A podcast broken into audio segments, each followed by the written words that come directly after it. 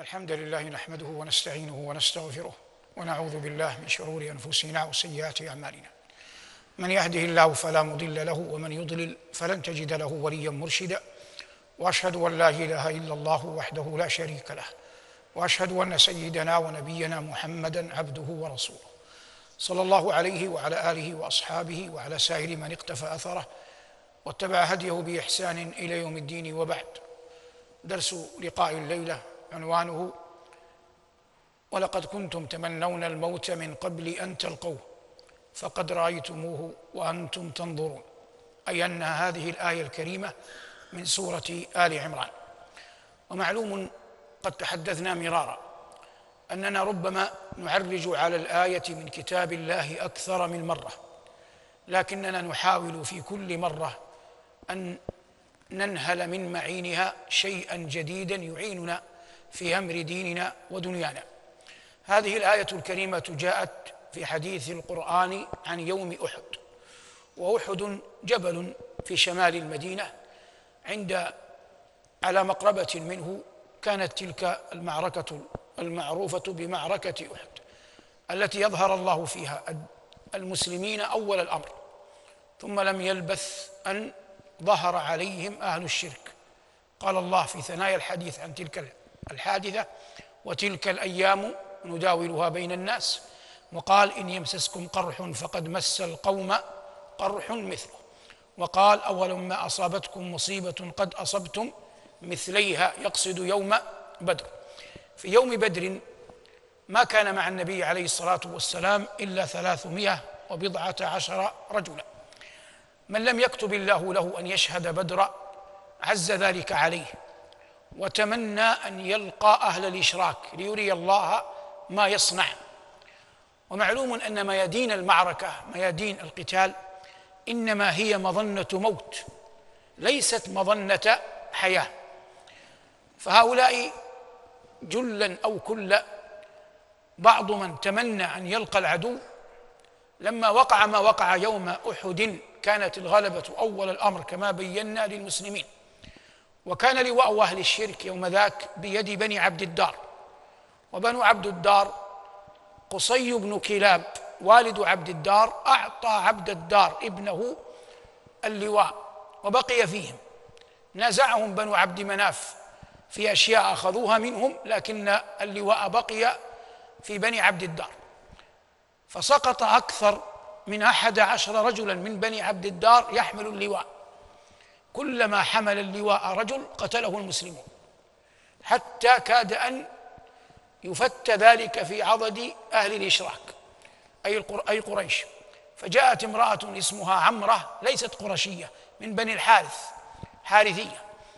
فحملت اللواء فالتف حولها بعض الإشراك وافق ذلك أن خالدا قبل إسلامه رأى أن الرماة نزلوا عن الجبل فجاء للمسلمين من الخلف والمرأة في المقابل حملت اللواء فاجتمع القرشيون على اللواء وخالد في الجهة الأخرى فأضحى المسلمون ما بين خالد ومن معه من الفرسان وما بين المشركين ومن معهم من من من المشاة الذين يقاتلون بأسيافهم وأرماحهم. قال حسان فلولا لواء الحارثية أصبحوا يباعون في الأسواق بيع الجلائب يقصد أن لولا أن الله كتب أن تلك المرأة الحارثية تحمل لواءكم لأصبحتم اليوم أسرى.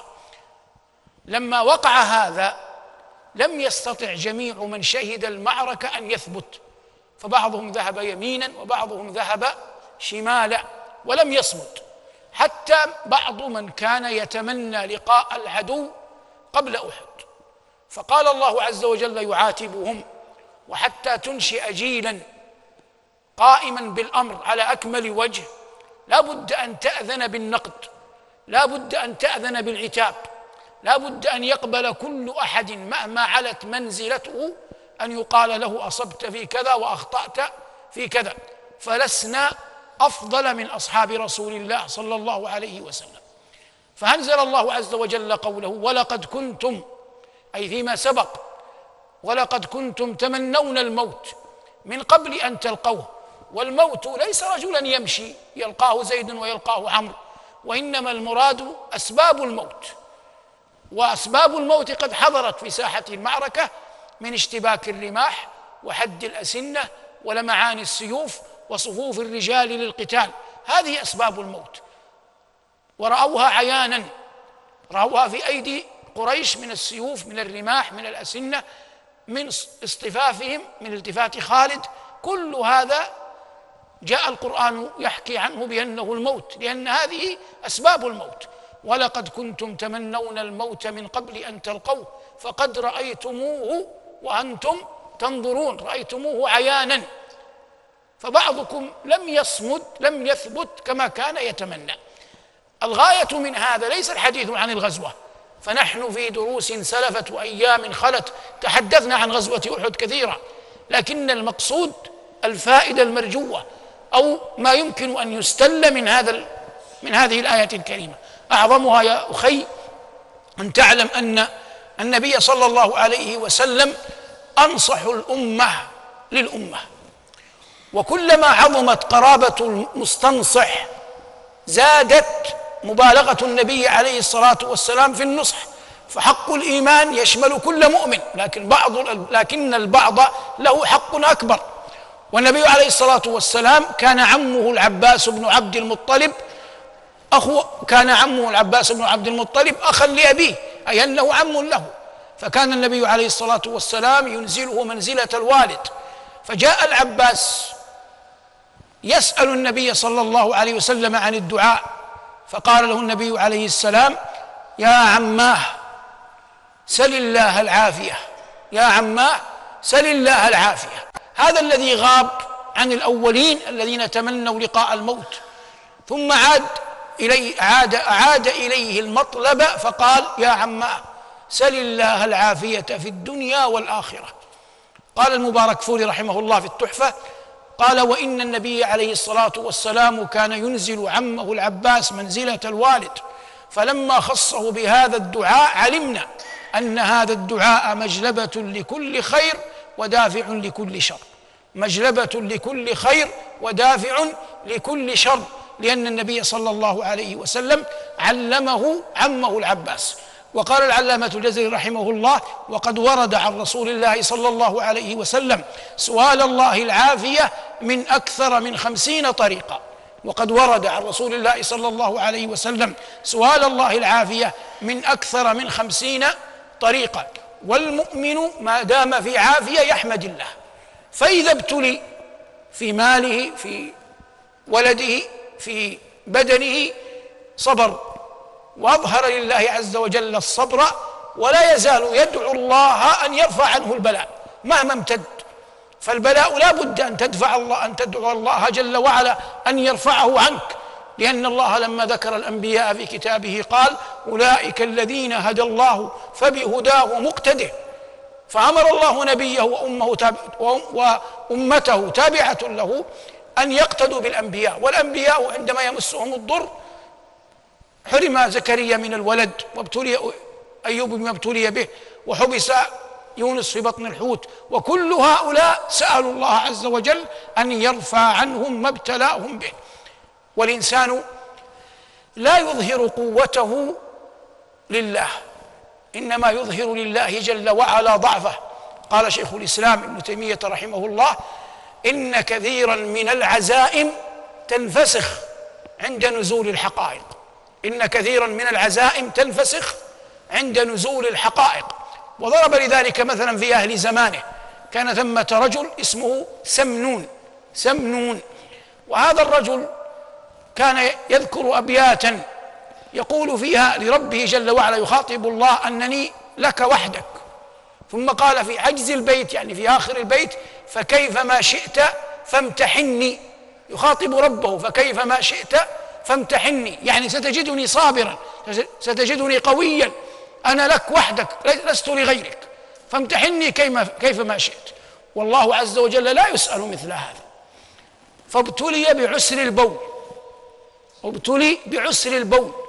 يتعذر عليه أن يقع منه ذلك الأمر كما يقع من سائر الناس. فكان لضعفه بعد ذلك يمر على الكتاتيب.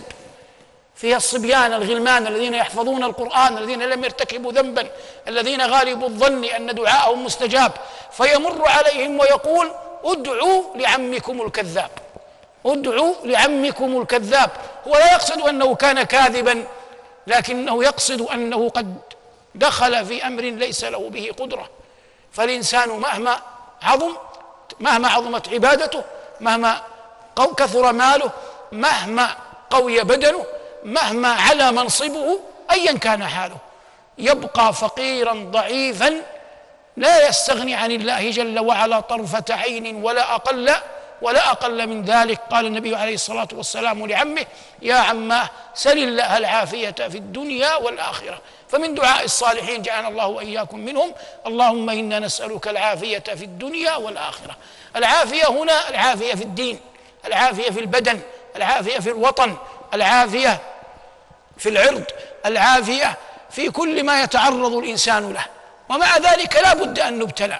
لكن من يبتلى وقد سأل الله العافية فهذا يرجى أن يصبر يرجى أن يعطى رباطا على قلبه يرجى أن يعان. وأما عياذا بالله من يطلب هذا الأمر فأعانه الله. وقد كان النبي صلى الله عليه وسلم يكثر من دعاء ربنا آتنا في الدنيا حسنة وفي الآخرة حسنة وقنا عذاب النار. إذا أخذنا هذا من هذه من هذه الآية الكريمة نعود عودا على بدء على قول الله عز وجل ولقد كنتم تمنون الموت من قبل أن تلقوه فقد رأيتموه وأنتم تنظرون. هؤلاء الأخيار على ما كان منهم زكاهم الله عز وجل وزكاهم رسوله صلى الله عليه وسلم والكمال عزيز لكنهم نالوا رضوان الله تعالى عليهم وأرضاهم شرف الصحبة وما وقع منهم. أو من بعضهم من تقصير في بعض الأحيان تداركوه إما بتوبة نصوح أو بعمل صالح أو بغير ذلك مما أفاءه الله جل وعلا عليهم. فالمؤمن إن كان منصفا تقيا سلم قلبه من الغل.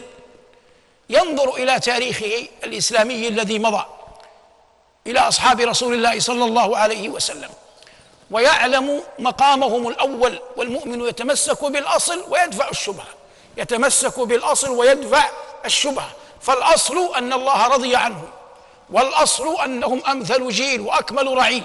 ما وقع من تقصير سواء كان في حياة النبي أو بعد وفاة النبي صلى الله عليه وسلم فهذا ينظر إليه أنه نقص في الكمال البشري لا نقص في شرف الصحبة فإن الله عز وجل اصطفاهم واختارهم لأن يكونوا أصحاب رسول الله صلى الله عليه وسلم. وكثيرا ما نردد قول الأول يا ليتني كنت فردا من صحابته أو خادما عنده من أصغر الخدم صلوات الله وسلامه عليه. اللهم ألحقنا بهم في الصالحين وارزقنا العفو والعافية في الدنيا والدين. واجعلنا من أوليائك المقربين وصلى الله على محمد وآله والحمد لله رب العالمين.